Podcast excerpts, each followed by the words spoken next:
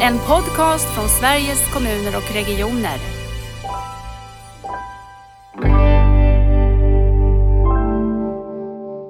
Man behöver få ett val, inte mer att vi förväntar, vi förväntar oss att du ska klara av det här utan att få ens frågan Hur mår du?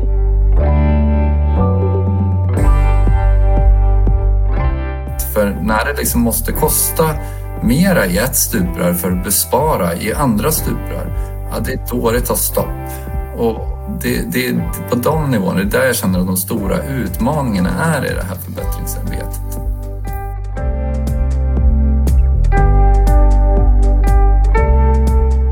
Idag har vi besök av Emma och Mattias som kommer från patientrörelsen och jag ser fram emot ett jättespännande samtal. Eh, så god morgon Emma och Mattias, hur står det till? God morgon. Det är jättebra. Ja, nej men det, det är bra. Härligt. En sån här junidagsmorgon så är det ju faktiskt ganska mysigt att uh, titta ut. Det var väldigt friskt och skönt i luften också ute nu på morgonen. Väldigt... Ja, du har hunnit ut på en promenad? Ja, lämnat barn och sådär. Så, att... så det är ett tips. Det hade du också gjort Emma, eller hur?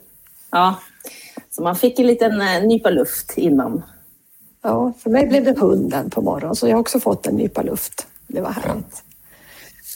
Ja. Men jag tänkte börja, vi vill ju veta Emma Tonnes, eh, vem är du? Berätta.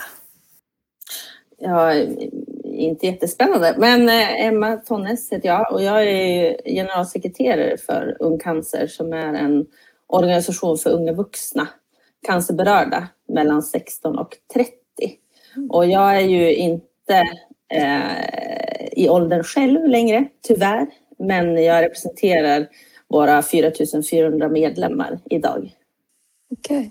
Cancerberörda, vad menas med det?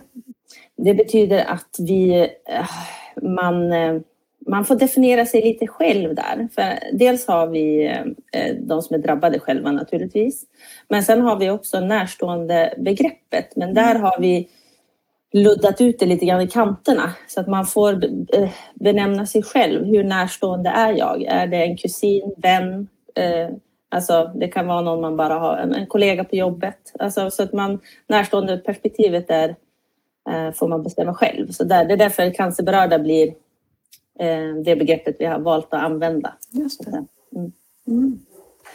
Mattias Milbro, vem är du? Jag är en småbarnspappa från Stockholm som i vanliga fall jobbar som ingenjör inom medical device-industrin. Men jag har också en MS-diagnos sedan 14 år tillbaka och fick den under mina universitetsstudier. Och i samband med det så, på den tiden så fanns det inte så bra bromsmediciner vilket gjorde att jag blev tyvärr sämre och sämre de första åren. Vilket kulminerade i att jag förlorade synen på mitt högeröga och sommaren efter, precis innan den nyaste generationen bromsmediciner hann sätta stopp för min sjukdomsutveckling så, så förlorade jag delar av synen på mitt andra öga också.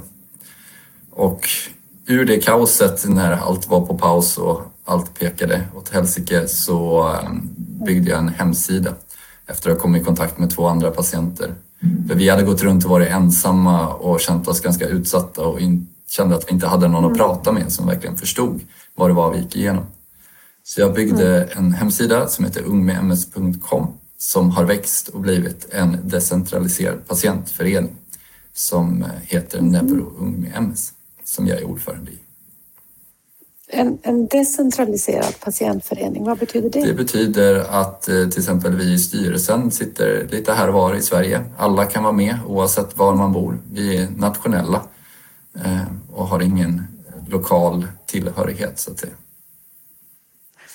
Det känns ju som att ni var lite före det nya normala nu under som har blivit i pandemin, att man sitter lite var man är. Ja, det är faktiskt. Och det är ganska skönt att nu eh, omvärlden har hunnit ikapp för det blir mycket enklare att jobba då. Ja, det låter härligt. Omvärlden hann ikapp. Eh, jag tänker, eh, vilka frågor och om, om vi börjar med dig Mattias, vad, eh, vad är det för frågor som ni jobbar med i er organisation? Vad är det ni driver för arbeten och projekt och vad är viktigt för er era medlemmar? Syftet med föreningen är att möjliggöra kunskapsutbyte, stöd och gemenskap mellan unga MS-patienter och det använder vi som eh, som, som ledsaga så att säga i, i det fortsatta arbetet som vi har. Eh, två saker som vi har gjort nu nyligen är att delvis har vi haft vår andra webbsändning som har varit en paneldiskussion. Vi hade en för ett år sedan och hade en för, för i våras nu. Där vi använder internets anonymitetsmöjligheter för att diskutera ämnen som kan vara väldigt svåra att prata med, både med sina närstående och med andra patienter och med vården. Och som det kan vara svårt för vården, för vården att prata med patienter om också. Så vi har haft sam sammankallat expertpaneler som man har kunnat skicka in frågor anonymt i förväg till och sen så har vi haft en paneldiskussion och, eh, och så. Och sen har vi lagt upp allting på vår Youtube-kanal sen. Och eh, den första sändningen handlade om sex och relationer och den andra webbsändningen vi hade nu nyligen handlade om blåsa tarm, tarmsymptom. Ehm, så det är två av de grejerna vi håller på med. Sen har vi också en eh, diagnostiseringsguide för att vägleda patienter som misstänker sig ha MS i rätt riktning. Mm. Vissa oroar sig i onödan för att med ganska lindriga symptom och andra kan ha superduper tydliga MS-symptom men blir inte tagna på allvar och behöver kanske vägledning i rätt håll. Så det är två av de sakerna. Sen ska vi försöka nå ut också till flera via kliniken och ha lite sådana här digitala möten med alla kliniker i Sverige som vi har kommit på att ja, men vi behöver inte åka runt till dem för att berätta om vår förening och, och skicka, eh, skicka material och så utan vi kan ju faktiskt nu ta digitala möten med alla stora MS-kliniker i Sverige. Så det planerar vi mm. också. Finns det MS-kliniker överallt? Är de sjukvårdsregionalt strukturerade eller hur ser det ja, ut? Alltså det, det, på vissa ställen är det ju del av en vanlig neurologisk eh, eh, behandlingsavdelning så att säga. Det beror lite grann på storleken på, på sjukhuset så att säga. Men, men det finns väl stora, mm. ganska dedikerade MS-kliniker i Stockholm, Göteborg och Malmö och Umeå tror jag också. Och så. så vi har en liten lista på de, de, de största som vi ska kontakta inom kort. Just det. Tack, vi får komma tillbaka till vad det betyder, tänker jag, att, att eh, kunna få ta del av sånt anonymt som du berättar om och så. Men jag tänkte Emma, berätta lite grann om vad er organisation jobbar för och eh, vad som är viktigt för era medlemmar. Ja, jag ska försöka eh, kompromera så det inte tar jättelång tid. För det, det, det är väldigt många delar. Men vi brukar... Eh, vi är, Ungcancer är skapat också ur ett personligt eh, behov på samma sätt som, som eh, är, ni är, Mattias. Det var en ung tjej på 21 år som fick tjocktarmscancer och la, lades in på en, en, en avdelning med 65 plus medelålders män. Och ur det, eh, så när hon kom hem och googlade på unga cancer så fanns det ingenting någonstans. Alltså det var verkligen ingenstans. Det var helt ekade tomt på internet. Och ur det så växte det då eh, ut att, så här, att vi började skapa mötesplatser för att man skulle kunna träffa andra unga vuxna i liknande situation. Eh, men också att informera om hur det är att vara ung och vuxen och, och, och svårt eh, sjuk. Eh, men också debattera i alla de rum som vi får möjlighet att debattera för det finns väldigt mycket som, som behöver förändras för att unga vuxna ska ha samma skydd som, som eh, vuxna till exempel. Mm. Eh, vi jobbar jättemycket med rehabilitering för att det brister ju, och det är, det är vi inte ensamma om, men det brister väldigt mycket i vårt avlånga land.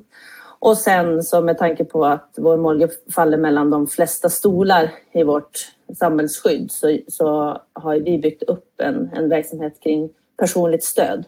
Allt från vi delar ut ekonomiska stipendium eh, till rehabiliterande stipendium. Så att, eh, för som ung vuxen så har du oftast inte hunnit jobba eller du har inte hunnit etablera någonting.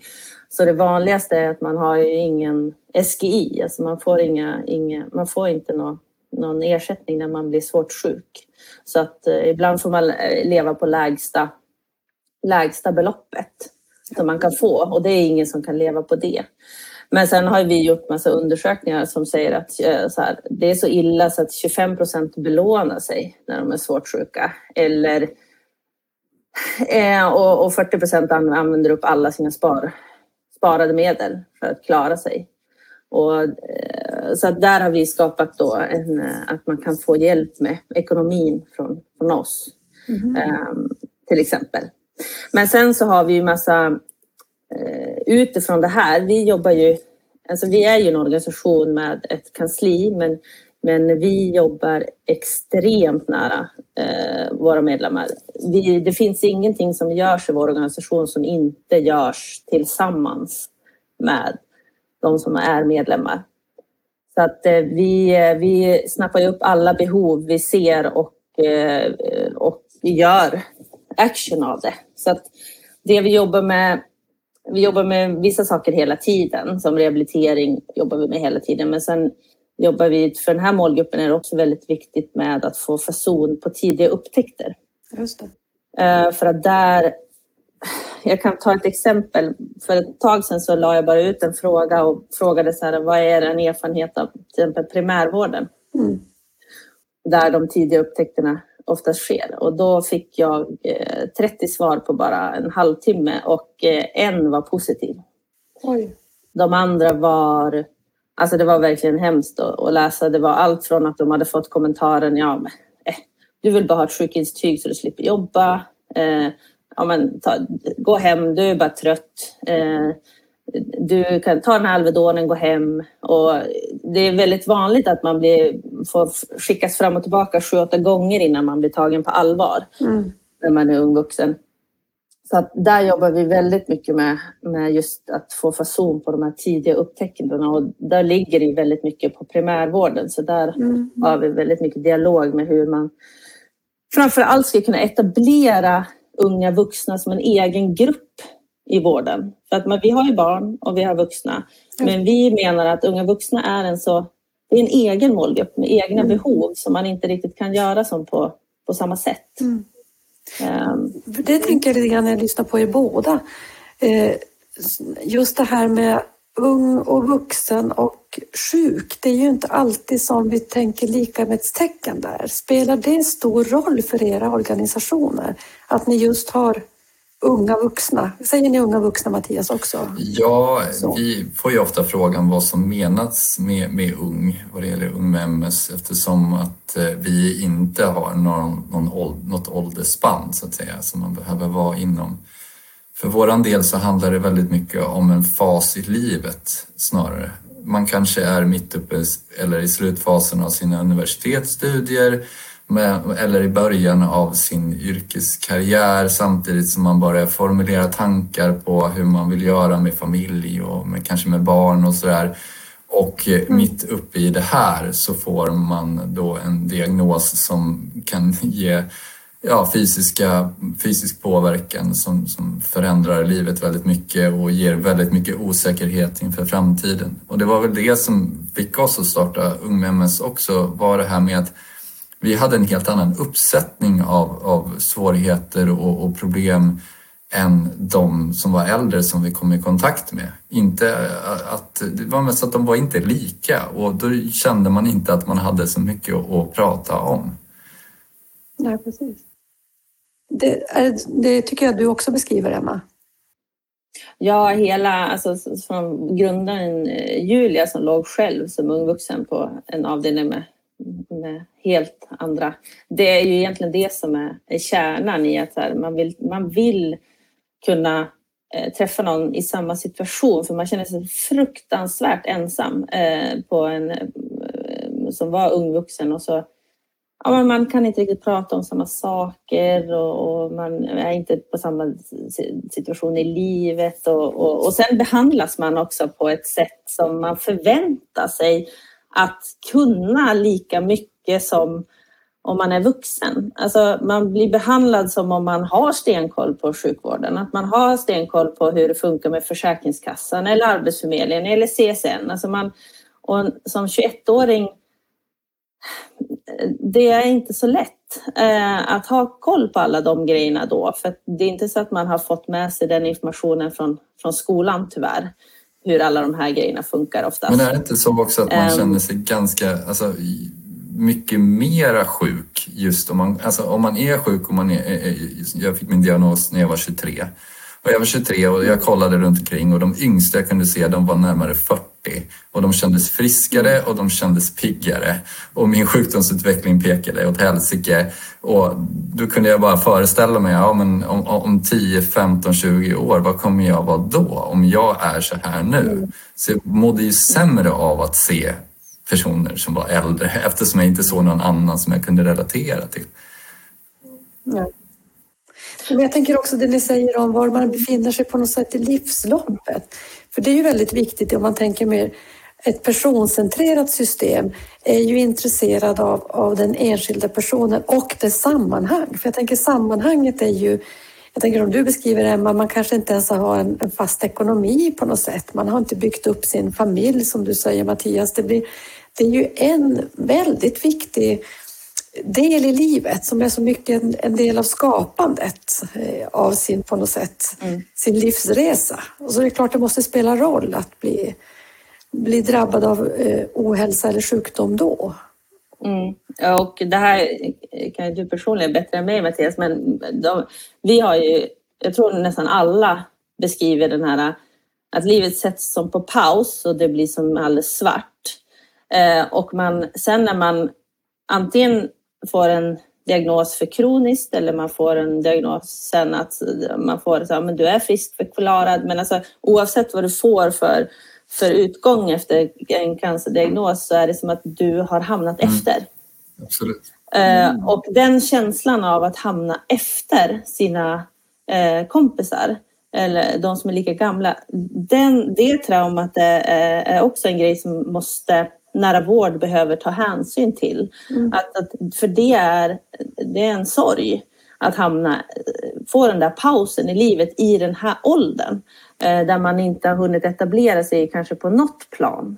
Eh, det blir, och det är också därför man ofta sluter sig och blir Ja, den, den psykiska ohälsan är ju, är ju stor. Det är också en väldigt osäker fas i livet. Jag tänker att, att eh, även om man inte får en, en, en allvarlig diagnos i det skedet så är det fortfarande så, är det här rätt utbildning för mig och kommer jag trivas på det jobbet? Är jag tillsammans med rätt person eller kanske inte ens har träffat rätt person och vill jag bilda familj eller inte? Och sen så uppe på det då kommer den där smällen som helt plötsligt bara ja, helt, helt vänder livet upp och ner ovanpå den redan existerande osäkerheten. Jag kommer ihåg liksom att jag, jag kunde inte tänka mig en framtid längre bort än en vecka i taget när jag var som sämst.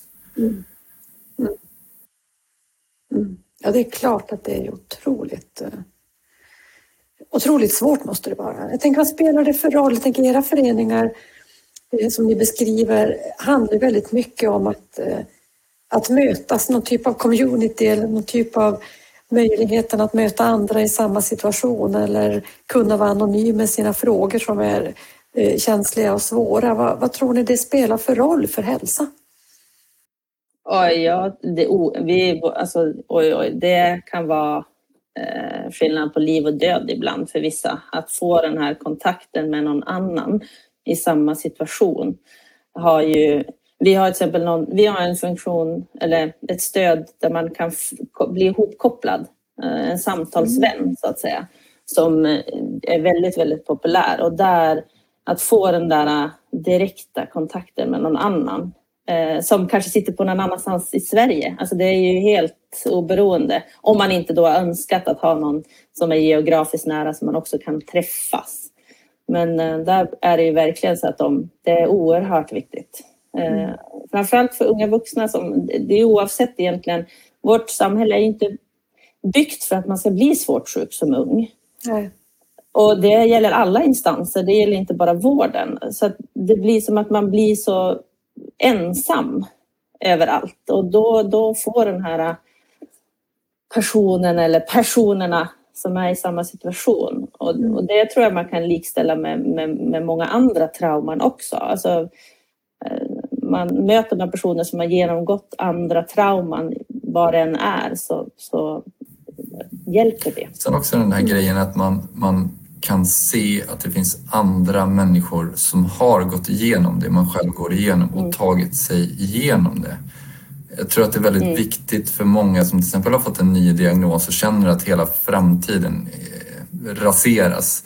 Att kunna läsa och ta del av berättelser från andra som har varit i exakt samma situation och som som kan berätta om att ja, det, det var jobbigt och jag fick, jag fick eh, symptom och har haft eh, svårigheter men jag har ändå trots det lärt mig leva med de skadorna jag har. Jag lever ett ganska normalt liv, jag har precis skaffat barn och så vidare. Och så vidare.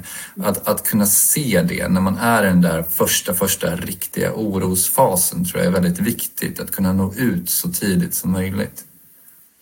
Mm. Det tycker jag har återkommit också i, när jag har haft samtalen i podden. Det är det här med hoppet. På något sätt att, och det tycker jag du beskriver, det är ju någonstans, ja men det finns ett hopp någonstans. Jag ser det, för jag möter någon annan som har gått igenom det här och, och faktiskt kan ha kvalitet och hälsa trots sjukdom. Så att det är något, något hopp i det. Vad tänker ni? Ja, det är jätteviktigt. Eh, vi jobbar ju jättemycket med att eh, vi har ju väldigt många som vill dela sina eh, berättelser om sin mm. egen cancerresa och det är ju det vi lyfter mest i våra kanaler. Och där är det så här, visst ibland, jag ska säga det, det är mer sällan vi lyfter de eh, historierna som inte går bra. Vi lyfter, vi, vi lyfter det här eh, mest de där man kan finna styrka i att, ja men titta, det gick bra. Och vi får ju också vittnesmål att det är det som många som är som Mattias säger, men det är det man behöver se. Mm. För det, man behöver få det hoppet. Mm. Eh, sen behöver man naturligtvis också prata om den andra sidan och prata om, om döden också. Det är också mm. ett väldigt viktigt och väldigt stigmatiserat ämne mm. som, är, som vi pratar internt mycket om. Men lite mer försiktigt utåt, bredare för det, det kan vara ganska triggande för många. Mm. Internt, vad menar du då? Ja, mer i, inom eh, grupper i organisationen. Där vi, ja, vi, vi, går ut och säger nu, nu ska vi prata om det här. Eh, mm. och de som vill eh, välkomna. Så att man är förberedd på vad det är man ska prata om. Mm. På ett annat sätt än att man bara slänger ur sig mm. vissa tunga ämnen. Mm. Jag tänker, om man skulle gå till er som personer, vad är det som driver er? Vad är det som gör att det känns som att det här vill jag verkligen det här vill jag verkligen lägga så mycket engagemang som jag gör på. Ja, men jag tror att eh, det är framför allt det här att, så här, att veta att det man gör gör skillnad på riktigt för någon. Alltså att sitta med, att verkligen få, alltså det, jag, det är faktiskt en ynnest att få jobba med det jag gör just för att man vet att slutprodukten är, det gör verkligen skillnad på riktigt. Och det gör, eh, det gör det väldigt, det är aldrig, eh, att gå till jobbet är alltid eh, kul och lätt tycker jag. Mm. Även, fast, även fast man jobbar med så tunga ämnen och tunga frågor så är det aldrig det är fortfarande en lätt, eh, lätthet eh, på något sätt. Eh, och sen så jag tycker ju att komplexa frågor är roliga att jobba med. Och cancerfrågan är väldigt komplex. Mm. Så att det är ju en annan del av det hela. Det är roliga det är som stimulerande jobb så, men det är framförallt den här skillnaden när man får de här samtalen eller mejlen eller när man får träffa medlemmarna och, och, och man ser att det, någon, någon liten skillnad. Mm. Mm. Vad tänker du Mattias? Ja, det är väldigt lika för mig. För min del så började det väl med när jag var som allra sämst att jag ville använda de fysiska förmågor som jag, som jag fortfarande hade. Jag, jag kände ju ingen som helst tilltro till min kropp eftersom jag bara blev sämre år efter år. Mm. Då kände jag på något vis att så här, men jag måste använda den här tiden jag har till någonting, någonting meningsfullt. Och sen när sidan fanns och började växa så upptäckte jag precis det här som, som Emma beskriver. Den här enorma energikällan som är att se att man är en del av någonting som får andra människor att må bättre. Och eh, mm. det, det driver mig fortsatt framåt helt enkelt. Att, att se och läsa berättelser från människor om hur de har, har hjälpts av att vi har funnits. Så att det är mycket det. Mm. Jag tänker, det här är ju nära vårdpodden och vi är ju i både spännande och omfattande omvandling av svensk hälso och sjukvård och, och omsorg.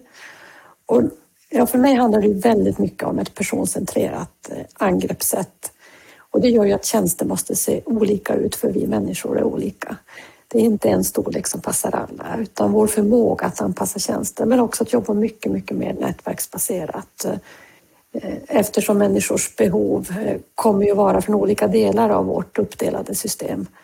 Men också primärvården får en mycket mer central roll än vad vi kanske har vant oss vid i svensk och byggt vår svenska hälso och sjukvård för. Eh, och jag tänker att både cancerdiagnoser men också de neurologiska diagnoserna har ju också en utgångspunkt i en specialisering om man så säger. Hur ser, hur ser ni på nära vårdomställningen och på och er organisation? Vad tycker ni den är viktig och, varför och så?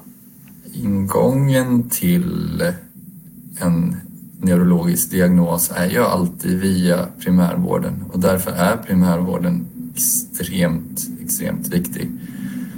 Mm. Vi eh, vi tar ju emot berättelser som är av varierande karaktär och eh, för min del till exempel så kom jag träffade jag min husläkare två gånger och han skickade mig till neuroakuten där jag fick träffa en av Sveriges främsta forskande neurologer på just MS och fick snabbt en MS-diagnos. Det, I det andra änden av spektrumet så är det människor som då har neurologiska symptom som då i MS-fall kommer och går över kortare tidsperioder över ett längre perspektiv.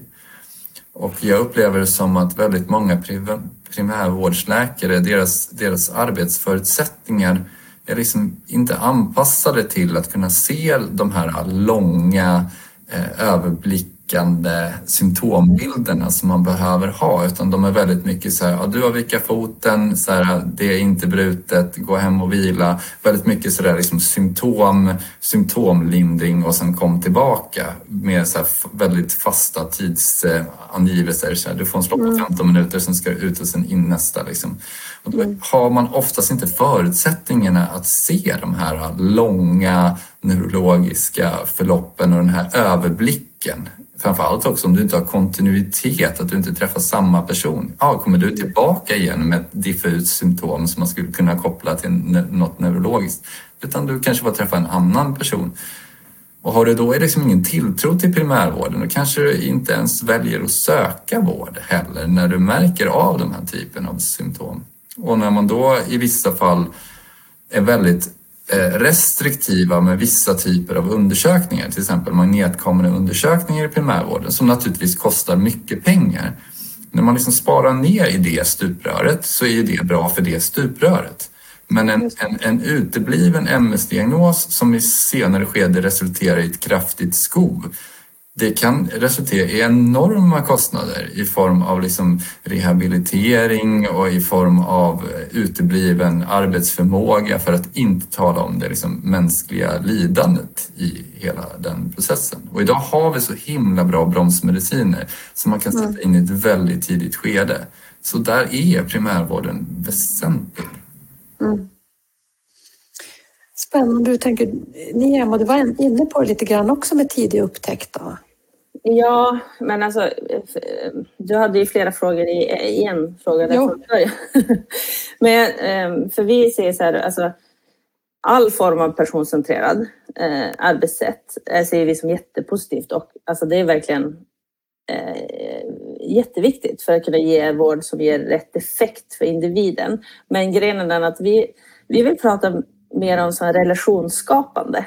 Mm. Alltså att det är egentligen det man, som är som är det som behövs. Mm. Att vi märker ju att unga vuxna, får de en, möts de av en vägg i primärvården eller illa bemött, då kommer de inte tillbaka. Eh, och då blir ju tidig upptäckt eh, inte tidig heller, utan det blir ju, det kan ju bli uh, större konsekvenser.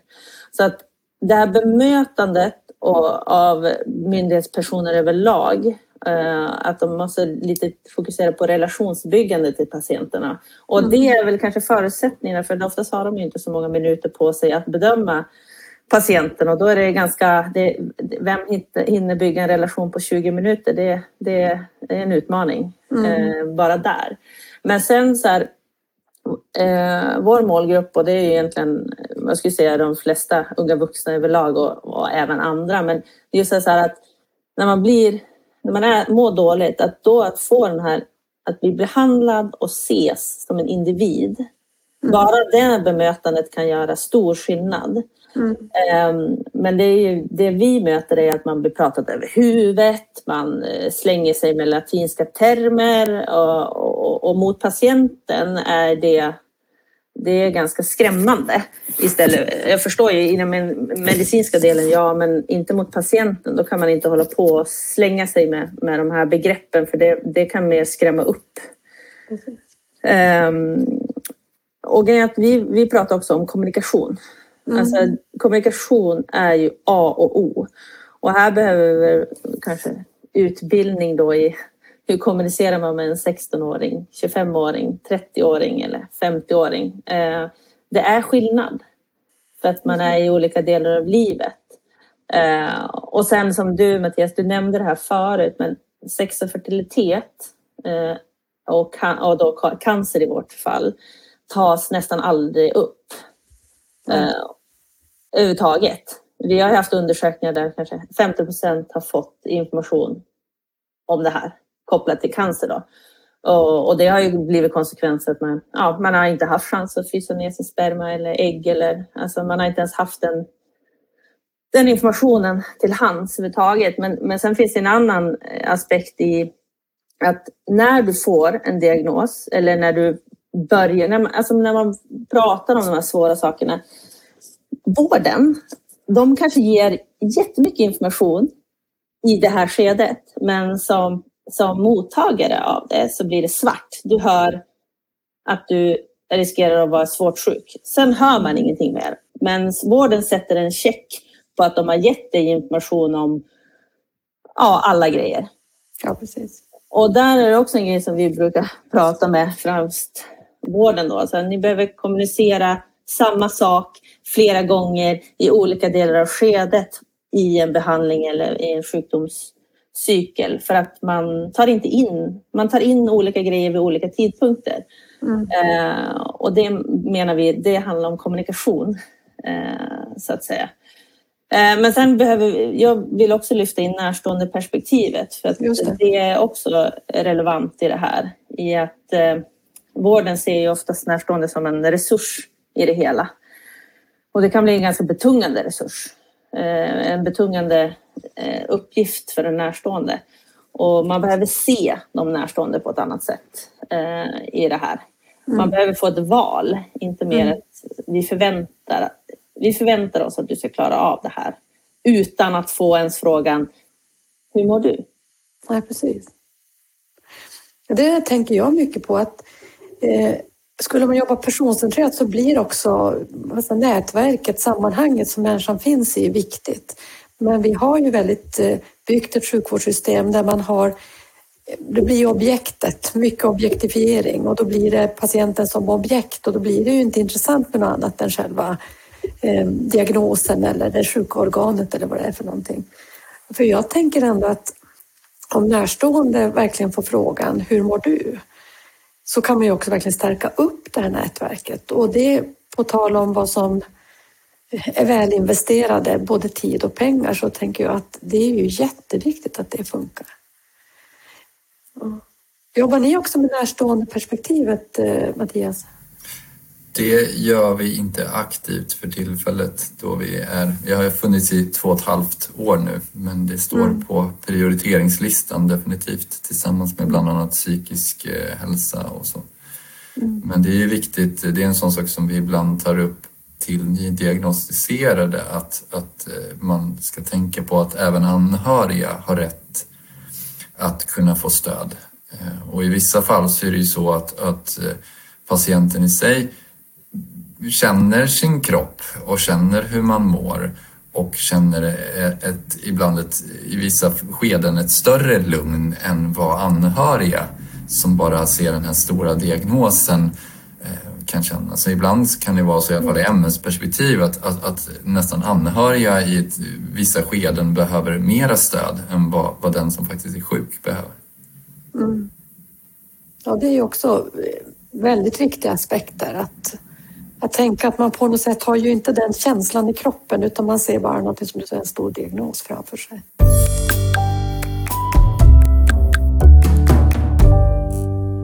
Jag funderar också på det här med attityder, bemötande, kommunikation tar du upp Emma. Eh, hur skulle vi kunna jobba tätare med er i patientrörelsen? Hur skulle vi kunna utveckla nu den nära vården verkligen? För vi pratar så mycket om samskapande. Har ni bra exempel eller har ni mm, tankar som ni tänker så här skulle vi kunna göra? För att lära allt det här som ni nu berättar om, mycket mer direkt in i vårdens vardag. Ja, det här är ju vad är det, tusen kronors frågan. Mm.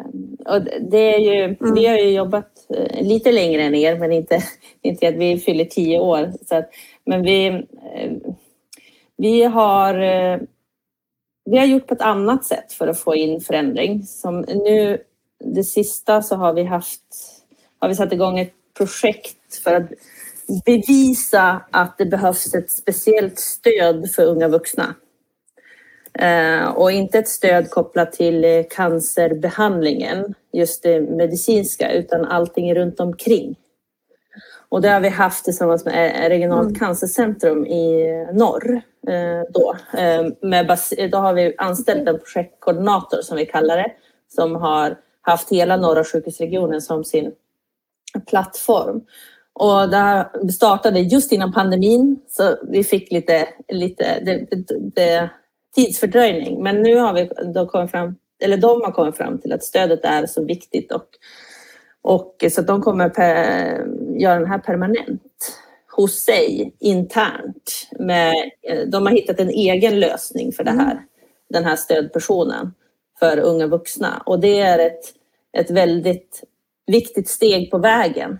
Att kunna etablera dels unga vuxna som grupp i vården men också att man har en utgångspunkt. Att nu, kan man, nu finns det någonting att se på. Men hur fungerar det där? Hur kommer de att jobba när man väl eh, har satt igång någonting. För att vi vill inte fastna i det här att vi finansierar mm. någonting som egentligen eh, samhället ska stå för. Så att säga. Så, så att där blir det väldigt spännande att följa eh, hur man kan påverka det. Men sen så skulle jag vilja att man kollar lite mer på de här Caprim-vårdcentralerna som finns under test i Stockholm där man ja, har en lite mer fokusering då på cancer eh, frågan i det här fallet, men där man då har utbildat personal och, och har eh, expertisen på plats. Um, de kallar dem Caprim. Um, får se vad den utvärderingen säger och vad man kan lära av, av det. För att när vi har pratat om det internt så är det väldigt många, men åh, tänk om jag visste det. Tänk om jag visste att det fanns en primärvård som, som hade lite mer, som man visste hade lite mer koll på vissa saker. Just det. Vad står det för? Cancer, primärvård? eller ja, jag har inte koll på förkortningen riktigt. Eh, de håller på Nej. nu. Men eh, sen är det ju dialog med oss. Alltså vi är jätte... Eh, att få komma in i de rummen där man kan utbilda i, i unga vuxnas situation. För det handlar ju om kunskap oftast. Mm. Det är ju ingen som vill göra mm. något tokigt utan det handlar ju oftast bara om kunskap. Och och resurser, för att, måste jag ändå säga, jag återkommer att de har ju inte världens bästa förutsättningar heller. Mm. Ja. Vad tänker du Mattias om det här? Hur kan man hitta verkligt samskapande med, med de som har egen, egen erfaren kunskap? Ja, man behöver ju naturligtvis ta med patienter på alla möjliga olika nivåer i det förbättringsarbetet vi jobbar med. Ehm, jag tycker man har kommit olika långt på olika ställen i landet. Om man tänker specifikt för MS-vården så, så jag eh, går hos, eh, på, på Centrum för neurologi i Stockholm som har en väldigt så dedikerad ämnesgrupp. Det är tillgängligt, det är kompetent och de har många olika expertiser som har liksom ett multidisciplinärt team och så vidare. Och de förutsättningarna ser ju annorlunda ut på olika mm. orter i landet och eh, försöka hitta ett sätt för att ha den, de förutsättningarna oavsett var, var man bor. Och kanske till och med att man skulle kunna utnyttja digitaliseringen på ett sådant sätt så att ja, men du kanske har kontakt med, med en eh, fysioterapeut i, i Skåne och en MS-kunnig eh, liksom eh, MS-kunnig person uppe i Norrland, en neurolog här och var. Så att, säga. så att de fysiska undersökningarna så att säga, måste inte måste göras av någon person men allt annat skulle kunna hanteras på andra sätt. Så att alla har tillgång till samma. Men sen så, jag vet inte, det är så ofta som, som, som det är så lätt att prata om just vad man kan göra på ett eh, på detaljnivå. Men sen när man börjar komma till de här stora sakerna som att så här, primärvården har inte finansiering till tillräckligt många magnetkameror till exempel, så man mm. drar ner på det. Ja, alltså, vi kan ju sitta och prata om det med, med ett gäng läkare och hålla med varandra, men sen måste det ju hända någonting och det är där jag känner att den här stuprörsformade vården som är liksom anpassad till efterkrigstidens akutvårdsbehov börjar liksom, börjar, bristerna börjar synas ordentligt. För när det mm. liksom måste kosta mera i ett stuprör för att bespara i andra stuprör, ja, det är mm. då det tar stopp. Och mm. det, det, på de nivåerna, det är där jag känner att de stora utmaningarna är i det här förbättringsarbetet. Mm. Verkligen, och där, det är ju intressant att tänka vilka roller vi kan ta där. Därför jag tror som dig att lyfta upp och, och debattera eh, är superviktigt. Det är också att skapa trygghet, tänker jag, att om vi behöver omfördela i det här systemet, att det ändå är för att göra systemet på totalen bättre.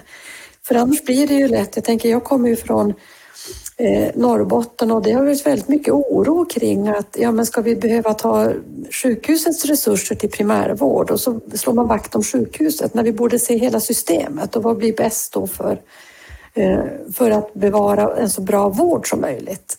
Och det där kräver ju sin politiska dialog också, den är inte helt enkel. Nej, för att inte tala om sånt som andra samhällsstöd.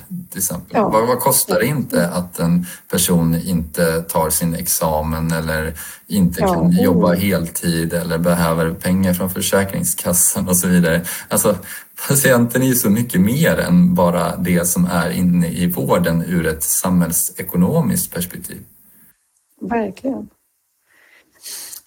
Jag tänkte en annan sak som ni har varit inne på eh, båda två, det var ju det här med kommunikation och, och eh, att vara ung vuxen. Och då tänkte jag på den här eh, webbinariet som du och jag Mattias deltog på på Vitalis. Då var, var ju Kristina Sand med från Värmland som hade utvecklat eh, Hur mår du.nu som är ett sätt att möta unga vuxna med psykisk ohälsa. Och det de hade när de jobbade tillsammans med de här unga vuxna så var det så att ja, men vi vill gärna först mötas till exempel via eh, en chatt. Vi vill kunna använda emojis för att berätta hur vi mår för det är svårt att skriva det i ord och så.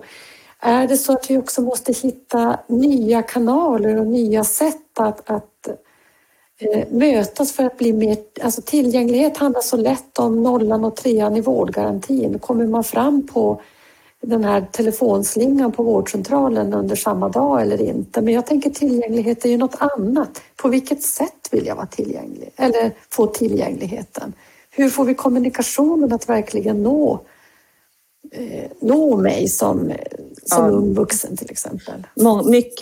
Mycket tankar har vi kring det. Och det här är någonting som vi jobbar väldigt aktivt med just nu. Vi har ju ett annat projekt med Karolinska där vi har då eh, x antal medlemmar som är med, med Alltså de är med i projektet i alla delar eh, och de är arvoderade så att de inte de jobbar i projektet.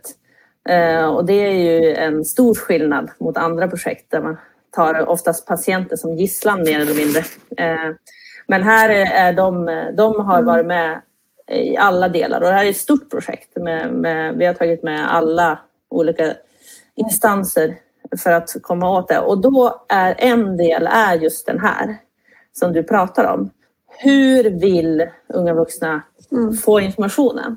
Och, och då är det allt från så här, ja, 1177 är bra i sitt sätt men det tilltalar inte oss.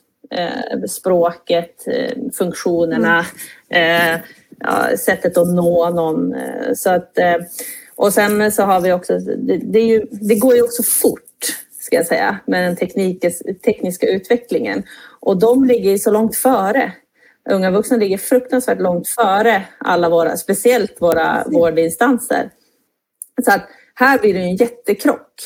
För det är som du säger, alltså de vill ha den här chatten dygnet runt. De vill ha den här eh, ja, lättheten att nå personer och, och kunna få snabba svar. Eh, de har inga problem med att ha med eh, eh, eller, eller mötas digitalt. Så att all, och de hoppar ju på den nya tekniken väldigt fort för att de inte är rädda för det. Det enda de säger, ska jag säga, är att diagnosen vill de inte ha eh, video. Så, att, så att man får inte glömma bort att vissa delar i, i, i processen kan inte digitaliseras bort. Alltså att man inte tror att ja, nu kör vi, nu blåser vi på, nu tar vi alla tekniska lösningar och så glömmer man det mänskliga mötet. För det, det har en stor vikt också. Men eh, unga vuxna är helt klart redo för mycket, mycket mer tekniska, snabbare, eh, mer tillgängliga eh, mötesformer och informationsformer. Och vi hoppas att vi kunna komma fram, ta fram teknisk, nya tekniska lösningar och då för unga vuxna, inte bara cancer, cancerberörda utan mer eh, unga vuxna med MS eller med eh, vad heter, diabetes eller reumatiker. Det finns ju stora grupper eh, andra unga vuxna också som är i samma situation. Mm. Ja, precis. Mm. Mattias, har du tankar där? Ja, det är ju bland annat det att vi, vi i patientföreningssammanhang är ju också stuprörade på våra sätt och vis, även om behoven, precis som Emma säger, är kan ju vara universella oavsett vad man har för, vad man har för diagnos. Jag hoppas att man försöker ha en tydlig och prioriterar dialogen med, med oss patienterna och att man hittar ett sätt att möta alla. Sen är det också det där med att vi är ju liksom, varje person är ju inte mm är inte standardiserad och har olika behov. Och vissa kanske vill, vill vara på ett sjukhus och träffa en människa fysiskt för det ger en trygghet medan andra känner precis tvärtom. Mm. Det, och det tror jag nog är kanske den, en av de större utmaningarna för vården. Just det här att vi är så vana att tänka mm. en typ av tjänst. Mm. Men tjänsterna måste vara, vara olika. Eh, även om jag ser mycket eh, framväxt av nya sätt att, eh, att mötas. Jag tycker att det de har gjort i Värmland till exempel är ju ett sådant sätt att ja, men där fanns en ny tjänst. Alla behöver inte göra det, men kanske möter man andra personer som man annars inte alls mötte med den traditionella tjänsten. Då kom inte de, de unga vuxna till ungdomsmottagningen för det passade inte dem. De kände sig inte riktigt hemma där. Eh, och då kan man hitta ett annat sätt just för dem. Så att eh, jag är ändå hoppfull. Sen tror jag också att det är så tillgängligheten, alltså, vi måste försöka tänka mycket mer dynamiskt. Eh, en mm. patient kanske behöver ha regelbunden kontakt med vården. En annan patient kanske inte behöver ha lika regelbunden kontakt med vården. Och har man då, eh, känner man en närhet och eh, en trygghet att man vet att när jag behöver det då finns det någon där som lyssnar och är tillgänglig och kan vägleda mig vidare till rätt person. Så behöver man kanske inte i lika stor utsträckning ha det där det här intervallet då man ska komma på sina årliga besök eller varje halvår eller göra vissa undersökningar med vissa intervall utan att det blir mycket, kan bli en mycket mer dynamisk process. Då lämnar ju de patienter som inte behöver så mycket plats till de som behöver mer. Men jag vill bara lägga till en, en sak där som vi har eh, märkt att vården får ändå, måste ändå vara den drivande parten. För att du kan inte lämna ansvaret till patienten. Eh, för att då eh, då är det, alltså framförallt vår målgrupp, då, de kommer inte själv ibland. Utan för vår målgrupp har ju en eh, lägre till följsamhet i vårdplanen och i värsta världen så blir det en högre dödlighet för att de inte följer vårdplanen. Så att jag vill bara lägga till att vården måste ändå ha det drivande ansvaret även fast man anpassar och det blir dynamiskt. Så att man inte tror att man kan bara släppa det till patienten. Mm.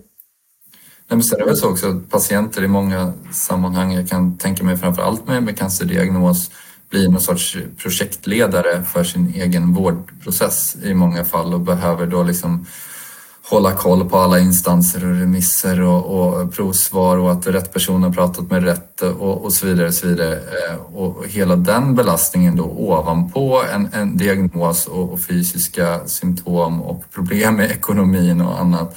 Det blir en ja, de blir verkligen belastning. projektledare. Det är bra sammanfattat. Mm. Mm.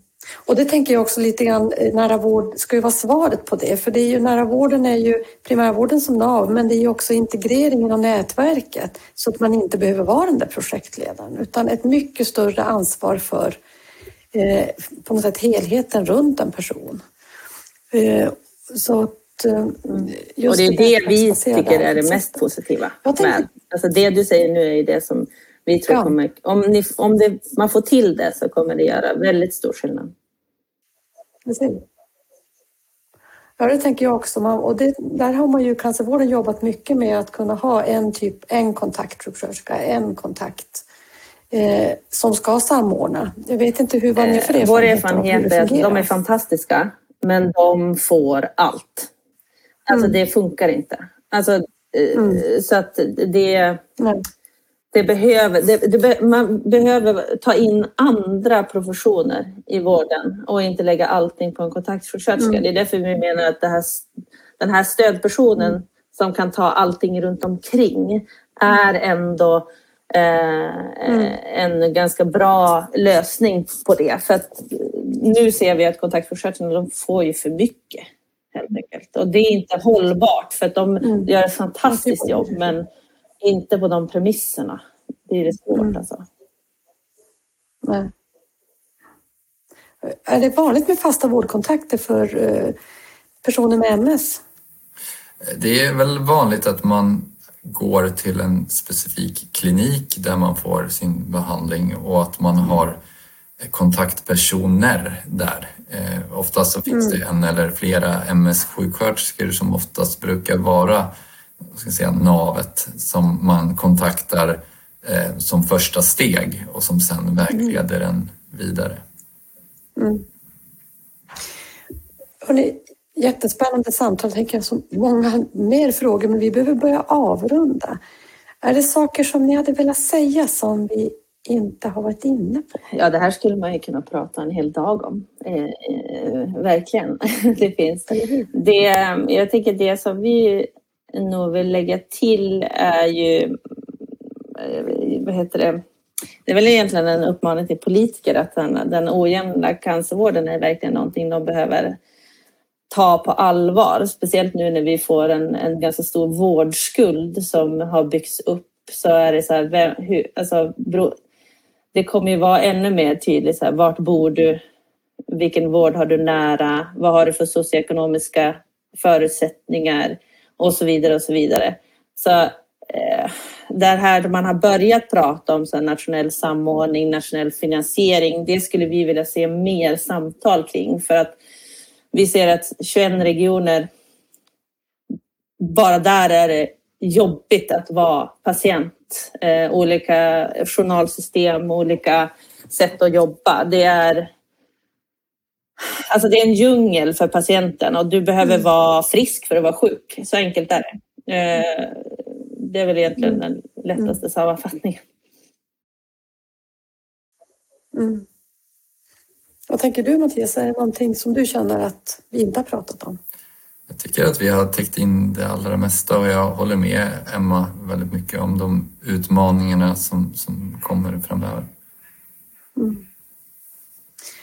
Eh, då tänkte jag att vi avslutar med frågan om vad nära är för er. Vad är nära för dig Mattias? Det är som jag pratade om förut, den här, den här känslan av att det finns någon som är tillgänglig. Att det inte det är inte den här telefonkön som är öppen i 30 minuter och sen så är den, alla platser fulla när man väl kommer fram. Utan det är, man vet precis vem och vart man ska vända sig till och man känner en trygghet i att man därifrån blir vägledd och prioriterad till det som man behöver. Mm, tack. Och Mattias sammanfattade det, det så, så bra, tycker jag. Men eh, det är verkligen som, som lättillgängligt och anpassat efter de behoven jag har. Alltså verkligen så här, men framförallt att man, så man känner att man har någon att hålla i handen. Eh, det behöver inte vara en fysisk person, men känslan av att man har någon där som håller handen och håller en och med ryggen som, så man känner sig trygg. Eh, det, att får ni till, får, får nära vård till den känslan så då, då, då mm. vet man att man har lyckats. För att just nu så hamnar man lätt att man känner sig väldigt ensam och man vet inte riktigt var man ska vända sig eller man, man måste kunna mer än vården just nu. Känns det ibland som. Mm. Mm. Trygghet. Tack för att ni ville vara med i Nära vårdpodden. Tack så mycket. Tack. Tack